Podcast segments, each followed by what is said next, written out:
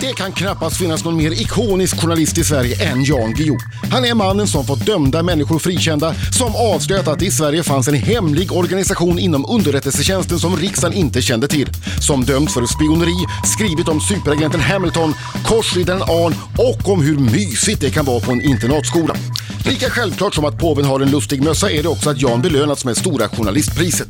Herr Guillou anses med rätta vara en av Sveriges allra viktigaste opinionsbildare och torgför allt som oftast sina åsikter i Aftonbladet. Jan Guillou är mannen som andra journalister bävar för att intervjua. Adam är ju rutinerad, men det ska bli spännande att se hur nybörjarna i studion handskas med denna figur inom svensk journalistik och litteratur. Britta och Marco, det här är ert inträdesprov. Ja! Välkommen Jan! Tack så mycket. Du, först och främst grattis! Jag tog en titt på Boktoppen igår. Och du är den enda författaren som har lyckats slå dig fram i ett hav av böcker om den så kallade på det. 5-2-dieten. Ja. Nej, nej, nej. Eh, De Jaså? där 50 nyanser av honom, de är nere på De är nere tionde redan, efter ja. plats. Nu är det 5-2-dieten. 5-2-bantningen. Så Ja. gör du. 5-2-dieten, Ah. det bästa som har hänt dig. 5-2, och sen, Ja, första ja. plats, Jan Guillou, mellan rött och svart. Ja, jag eh, har haft ett gott öga till den där 5-2 eh. Så det, det gläder mig att de är skakade. Men, men gillar du 5-2-dieten? Har du, har du någonsin gått på diet? Nej, ja alltså ofrivilligt då i, när maten tar slut i Sibirien. Så den typen av ofrivillig bantning har jag varit med om, men annars inte.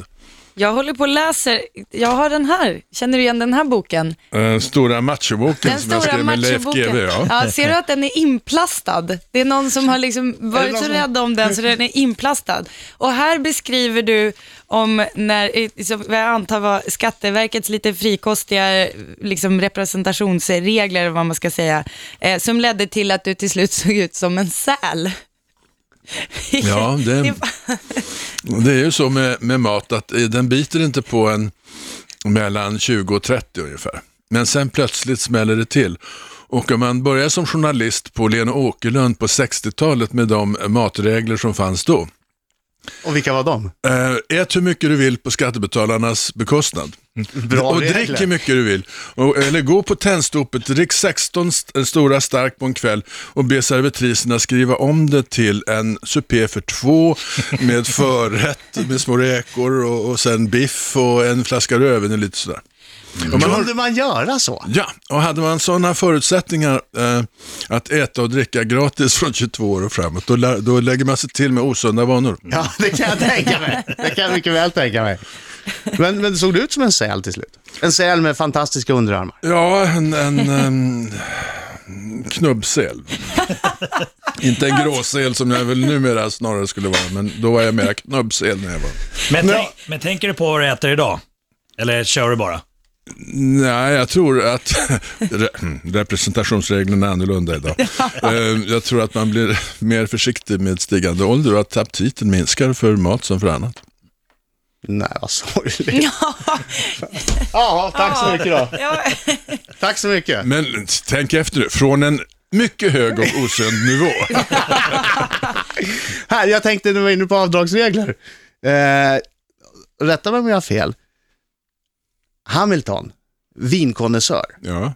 dricker massvis av vin, goda viner, dyra viner. Gissar att det här författare möjligtvis kan, kan få dra av researchviner på deklarationen. Alltså, det stoppar mig nu, inte än. I den här boken, Sverre Oskar Lauritz, dricker också men en och annan konjak i, i, i herrrummet. Dåliga avdragsmöjligheter för research. Eller är det så att man ändrat reglerna så att du inte längre tycker det... Alltså, sp- sprit är svårare än vin ur skatteteknisk. Um, jag har faktiskt inte gjort den, jag har tänkt på den här stunden. Man kan dra av en, eh, låt säga en resa till Bordeaux för vinstudier. Och då tänk, skulle vi kunna tänka oss att man studerar vissa viner förutsatt att de sen förekommer i ens bok och så skulle man kunna hävda det. Tekniskt sett skulle det här gå, fast jag har faktiskt aldrig gjort det här. Har du inte? Nej. Ja, då har du tips till nästa. Ja, Grattis. ta, ja, tack så mycket. Det är precis vad jag behöver. Jag betalar frivilligt mycket mer skatt än vad du ens skulle kunna mardrömma om. Jan Guillou i Rix studion Nya boken mellan rött och svart toppar listorna just nu. Eh, och det handlar om tre bröder. Vi har följt dem i, i två böcker, nämligen Brobyggarna och Dandy och nu är det den tredje och då har de kommit i mellankrigstiden. Eh, Sverre Oskar Lauritz och efter att ha skingrats i slutet av förra boken, eller i slutet av förra boken så kom de mirakulöst tillsammans igen efter att ha varit skingrade. Ett Guds under, vilket gjorde att den religiösa av dem, Lauritz, eh, förlät sin yngste bror eh, som var homosexuell eftersom Gud nu hade fört dem samman. Så det var ju praktiskt. Ja, väl, väldigt praktiskt. Det behövdes ett Guds under för det. Ja. Vad gör de i den här boken? De eh, strävar efter Tysklands och världens återuppbyggnad efter det katastrofala första världskriget. De tror, som väldigt många människor i Europa vid den här tiden, att efter de grymheter vi upplevde 1914 till 1918 så kommer inga krig längre att vara möjliga. Nu har mänskligheten förstått det, det hopplösa med det här. Och tekniken håller också på att utvecklas så till den grad att krig blir gammalmodiga. Alltså med, alltså med den teknik vi har nu kan man ju inte kriga. Nej. Nej, nej. Eh, Och eh, den här boken tar, tar eh, våra huvudpersoner runt i Tyskland mycket, Mm. men också en del i Sverige. Ja. Och i, ja, Kiel ligger väl i Tyskland, så att det får man väl. Ja, Jag har en, växlar mellan en idyll, Saltsjöbaden, ett konstgjort samhälle skapat av Wallenberg för, för ö, övre medelklass och eh, hans egna arbetare, fast de fick bo på andra sidan järnvägen. Det här är en av de grejerna som, man, man, eh, som gör att jag tycker det är så roligt att läsa dina böcker, att jag får vissa, vissa grejer som man har fått för sig, kommer på skam. Och vissa grejer som man inte visste får man reda på. Är det sant det där att eh, den riktige Wallenberg stod med de polare på ett berg och sa här ska jag bygga en liten stad? Ja, Det är ju helt sjukt. Ja, men eh, tänk vad kul för de där. Det var eh, Ernst Thiel och eh, eh, Knut Agaton Wallenberg, alltså den riktiga Wallenberg, som eh, hade varit på en resa till Deauville i Frankrike och nu så åkte de ut i skärgården på en tur och står på ett berg. Eh, de hade passerat eh, Karlsbad mm, och, och så de kallar berget för Karlsbadeberget, det heter så än idag. Så står de och tittar ut över en skärgårdsidyll där det inte finns en enda byggnad. Och så säger de, du om man skulle ta och göra en, en sån där badort här. och vi tänker, titta, Nej, här 1800... Eh, 1890-talet. Ja. Eh, Och om du tänker dig att vi lägger ett hotell där nere i den där viken, va? vitt hotell. Ehm, mm, och så har vi, eh, så vi måste ha ett sanatorium också. Då lägger vi det där till höger nedanför oss här. Och sen så kan vi ha sam... Järnvägen går då från Slussen som vi ska bygga och så på bortre sidan kan vi ha arbetarna då så att de bor för sig där och så, så gör vi en strandpromenad här nere, ser du? Här, och så vidare. Och så gör de Och så det. gör de det. Det är jag önskar, tänk att bara stå och ha alla de resurserna och pengarna och, och bara kunna hitta på en sån grej. Du, Wallenbergs arkiv, att Vatikanen har ett ar- arkiv, det, det kan jag förstå. Ja, men det har de också. Jag vet, och du fick tillgång till det och vi ska prata lite mer om det alldeles strax. Jajamensan! Och Jan Guillou har skrivit en bok som heter Mellan rött och svart som ligger etta på topplistorna och den är jättebra som vanligt. Eh, och den här handlar om mellankrigstiden och vi var precis inne på eh, varför jag tycker att de är så bra, bland annat inte bara för att de är spännande och, och man sugs in dem, man får lära sig saker. Som till exempel det här om att Saltsjöbaden utanför Stockholm är är en konstgjord badort av gamla Wallenberg. Vi- vi- Vilket årtal utspelar sig här nu, den här boken? Eh, från eh, första världskrigets slut 1918 till dagen innan andra världskriget utbryter, det vill säga den 31 augusti 1939. Okej, eh, kommer de eh, kriga i finska vinterkriget? Finska vinterkriget kommer att vara med. Lugn alltså, jag kan inte ändra på andra världskriget. Inte Det- är som det är. Ja, det är som det är som det är. Nej men det är ju his- det är historiskt korrekt, eller hur? Ja, det måste, alltså det, de stora eh, stationerna i andra världskriget kan man ju liksom inte eh, ändra på. Eh, atombomben i augusti 45, finska vinterkriget och fortsättningskriget kan man inte ändra på. Möjligen tror jag att jag ska lägga till ett dödsoffer av de 33 som dog i den så kallade Horsfjärden-olyckan som man aldrig lyckats utreda vad den berodde på. Vem? Ja, det säger jag inte. Men du kommer också... det- Är det en personlig vendetta? Det, nej, nej, alltså det, Annars kan man tänka sig att du lägger in någon som du tycker illa om. nej, det gör jag inte, men jag har en person för mycket i persongalleriet som jag måste eh, göra mig av med. För att, Men hur, hur vet du? Du vet inte hur många böcker det ska bli, Nej. men har du koll på karaktärernas utveckling utöver eh, den, den här boken? ja, det har jag ju en plan för, såklart. Och också för de som ännu inte är födda och sådär. Så att, eh, Men du vet vilka som kommer att födas? ja. Vad spännande. Men hur många böcker är klara i huvudet? Eh, De tre som är skrivna och eh, sen hå- håller jag på att arbeta med den fjärde just nu. Och det kommer slutligen och, och landa lär på... mig hur man ser på andra världskriget om man lever då, inte nu. Nej. Alltså vi vet ju allting. Va? Just det. Men om man sitter som jag gör nu på KB och läser den nazistiska tidningen Dagsposten så kan jag tala om att då får man en bild av andra världskriget som gör att man känner sig tokig. Det är en helt annan bild. Det är en helt annan bild.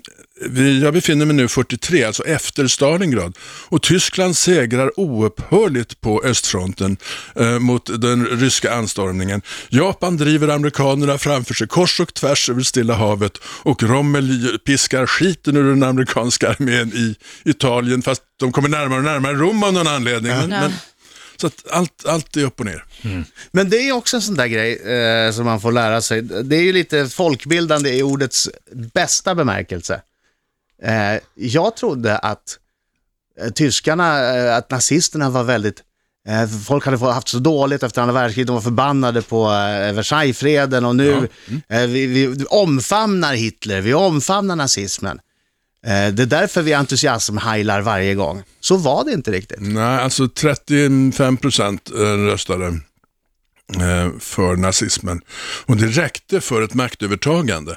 Och sen är det slut på det roliga. Den som inte heilar får stryk av SA-busarna som går där ute och har koll på vem som inte räcker upp högerarmen. Det blev undantag för utlänningar och för diplomater som inte behövde heila, men alla andra har heilplikt.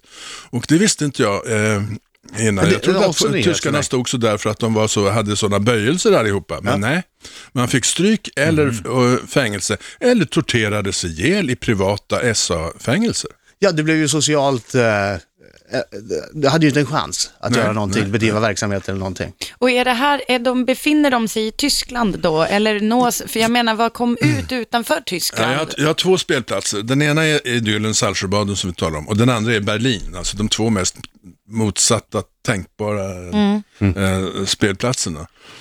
Eh, I Berlin så, så sker alla de stora avgöranden i Saltsjöbaden, alla de små kan man säga. Och Berlin är det också mycket konstnärer och Mycket författare. rajtan tajtan, mycket modern eh, konst, modern litteratur. Eh, Bert var Bert, med där. Bert är med, eh, en av mina gamla favoriter från 60-70-talet, alltså Brecht. Redan då ett eh, högsäte för hipsters med andra ord. Ja, faktiskt, faktiskt. Vi ska prata mer med Jan Guillou alldeles strax. Han ska få en skicka vidare-fråga från Camilla Läckberg också. Och Camilla Läckberg log så glatt när hon skrev sin fråga. Jag undrar Ja. vad det står i det där kuvertet. Gäst i studion, Heter Jan Guillou. skrik det nu. Kyttemörken! Jag tänkte precis säga, jag och Marco, vi är lite tystare än Jag, vanligt. jag, jag hyser väldigt stor respekt för Jan Guillou. Jag- Verkligen. Jag, Lite väl stor. jag, jag sa Ja. någonting om finska vinterkriget, sen var det tyst igen. Jag kommer be Jan Guillou signera det här kapitlet med, där han skriver om sin kropp eh, som blev sälliknande. Vill du göra det Jan Guillou? Vill I du stora machoboken. Den, I stora machoboken åt mig. Hur, Ja, hur, mycket Ja. fnissade du när du kom på namnet Stora Machoboken? Jag är inte säker på att, eh, alltså det är ju ett skämt eh, som tyvärr inte alla har förstått att det är. men, men om det var Leif GW Persson eller om det var jag som kom på att den skulle heta så, eh, är jag inte säker på. Det lutar lite mer åt Leif eh, än, tror jag. Ja, då är det inte säkert att det är ett skämt längre. Nej, det, det var därför jag blev osäker när jag funderade Då kan det vara på blodigt allvar. Vi var inne på det förut, eh, när jag sa att, att Vatikanen har ett arkiv. Det kan jag förstå. Men att Wallenberg har ett arkiv, eh, det visste jag inte. Vad finns i det arkivet och hur svårt var det för dig att komma in där? Och Är det ett stor, en stor hangar någonstans med dammiga luntor? Det skulle jag tro. Eh, Men alltså, det man får ansöka väldigt noga och ehm, eh, åberopa till den Wallenberg nutida som hjälpte mig, nämligen nutida Jakob Wallenberg. Eh, åberopa att hans ehm, eh, farbrors eh, far eller något och min morfar seglade väldigt mycket tillsammans. Och då hade de alltså förbindelser och så kunde jag då få en begränsad tillgång till det. Men jag tror att i detta arkiv så finns fantastiska hemligheter. Det skulle vara alltså en journalist som fick ta sig in där på något riff- riffifiaktigt sätt. Hade du full tillgång eller hade du begränsat Nej, nej, tillgång? begränsad tillgång till de områden som gällde Saltsjöbaden, morfar, segling och lite sånt där. Men, men hur, hur, hur, eller om de mutade Per Albin Hansson, hur det gick till, eh, det fick jag inte veta.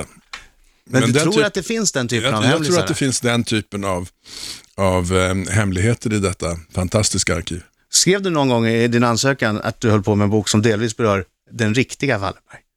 Ja, ja. Nej. Eh, nej, alltså, så formulerar jag inte det till Jakob. Nej. Vart ligger det här arkivet någonstans? Jag vet inte. Nej. Vadå vet? Nej, du får inte säga. Förlåt? Du får inte säga. Nej, jag vet inte. Men du har ju varit där för guds skull. Han- Nej, nej, Du jag fick får, jag, material jag, skickat till dig. Alltså, Du det fick här är ett formaliserat dig. förfarande som inte går till... Alltså, de man släpp, släppa in en sån som jag. Nej, men jag trodde att de släppte in det fast det stod liksom en vakt bredvid. Ja, Va? Du får jag, bara röra Bara dig de här böckerna. ja, jag såg framför mig ögonbindel och att han Ja. fick snurra några varv runt en hockeyklubba Ja. innan de körde iväg honom. Nej, du fick det skickat till dig. Ja. Herregud, är du inte Ja, ja. nyfiken då? Du måste ju Jo, fråga, det- ja, det är klart, vart ligger det här alltså. stället då? Jag skulle ge ett litet finger åtminstone för att få fri tillgång till detta arkiv. Finns det fler sådana ställen i Sverige som potentiellt är skattkammare för en, en journalist? Eller en, eller en nyfiken person? Ja, Riksarkivet, där eh, det är nålen höstacken-problemet. Det finns så Ja, ja, mycket ja. information och ingen vet var. Mm. Men allt finns egentligen. Men Nästan. varför spara sånt där? Alltså om det är då komprometterande, kan vi använda det ordet Ja, i det det här tycker jag. Det, det är första gången under våra fem veckor vi använder det ordet. Ja, men det är ett ord som jag också lärde mig i samband med vissa kaffeflickor och så vidare. Eh, finns, varför sparas sånt i ett arkiv? Därför att då har man, eh, om det blir spekulationer i framtiden, åtminstone den sanna versionen som man själv kan kontrollera innan man går ut och säger någonting offentligt. Om man hade förstört äh, äh, alla möjligheter att äh, sakligt diskutera vår historia, då, då försätter man sig nog i ett ännu svårare läge än när man ruvar på pinsamma hemligheter. Jan Guillou i studion med nya boken Mellan rött och svart. Eh, den tredje boken i serien, den handlar, eh, huvudpersonerna är tre bröder. Bröderna Lauritsen, det är Sverre, det är Oskar, det är Laurits. Alla är lite olika, eh, kan man säga. Ja. Och då undrar jag naturligtvis, vem tycker du bäst om av de här? Är det den religiös, eh, tillknäppt, eh, ganska stele Laurits, men ändå bra familjefar? Är det Oscar, dandyn, den homosexuella? Det är nog den homosexuella dandyn. Det var, I verkligheten var det onkel Lulle. Så att det, han hette Laurits i verkligheten. Så jag har ändrat namn på förebilderna lite. Men äh, onkel Lulle var en, en kul kille som äh, alltid fick mandeln i gröten. Jaså? Vilket på den tiden då innebar att han skulle vara gift innan året var slut och sånt där. Och eftersom han var homosexuell, något som ingen talade om men alla visste, så blev det så eh, särskilt förnöjsamt när han fick mandeln i gröten och vi barn fattade ingenting varför det här var så kul. Men alltså, jag trodde att du skulle ge Oscar. eh, Han är, i och för sig, han är för sig lite skadad, får man säga, Ja. och eh, inte så lycklig möjligtvis, men det här afrikanska jägaren och... Mm, ja, han är på ett sätt mest lik mig, men alltså den mest sympatiska tycker jag är onkel Lulle, Laurits eh, i verkligheten, men som här heter då Sverre. Mm. är. Mm. Själv heter jag både Oskar och Sverre. Ja, det gör det ju. Mm. Lucien också. Lucien. Henri. Men det, beror- det är alltså det, Norge och Frankrike som förenas här i en tvist om vilka namn man ska ha. Så att Oscar och Sverre kommer från den norska sidan, Lucien och Henri kommer från den franska sidan. Så enkelt är det. Ja. Så enkelt är det. Skicka vidare frågan från Camilla Läckberg alldeles strax. Här, det är tjockt kuvert, det är från Camilla Läckberg. Har ni haft någon tvist? Nej, ni gillar varandra va? Eh, Vi har aldrig haft en bråk. Nej. Det kanske är dags nu. Ja, ja, vi får se. Det- Vi har ingen aning om vad som står i den här frågan, så don't shoot the messenger. Jag tror att jag har Oj, en oj, oj. aning. Vi Jaha. pratade Oj, oj, oj. lite om det där. Nej, ja, säg du. Hej Jan, det här är från Camilla Läckberg. Om du måste välja ett så kallat frikort, vet du vad det är? Nej. Då, då ska vi förklara det. Du är gift med någon och sen av någon outgrundlig anledning, jag har inte det här men jag vet många som har, då, då hittar man på en så här, ett frikort som någon som man får ligga med utan att det betyder något. Det är okej att du ligger med henne, då ska man då ofta säga Angelina Jolie. Jaha. Nej, eller så någon ska, ska man inte. Man får säga vem man vill, men det ska vara en kändis typ. Ja, det det får ska inte vara så här grannfrun Nej, eller nej, det får inte vara grannfru. Nej. Det får, man får inte svara sant alltså. nej, nej, du ska ljuga om det. en kändis. Det man- grannfrun ska du ljuga, för det, det blir dålig stämning. Tro mig, tro mig. Ja. Så, så frågan är, vem skulle du välja då, undrar Camilla, med en blinkande smiley-gubbe? ja, varför inte Camilla själv? Det var det hon... Det kändes som att det var det hon fiskade efter. Ja, ja. Vilka hade du att välja på där innan du klämde ur Camilla själv? Hur gick tankarna? Vi har ju eh, ett antal väldigt snygga eh, författare och sångerskor i Sverige. Ja. Jag säger inte mer än så. Nej, men säg en sångerska.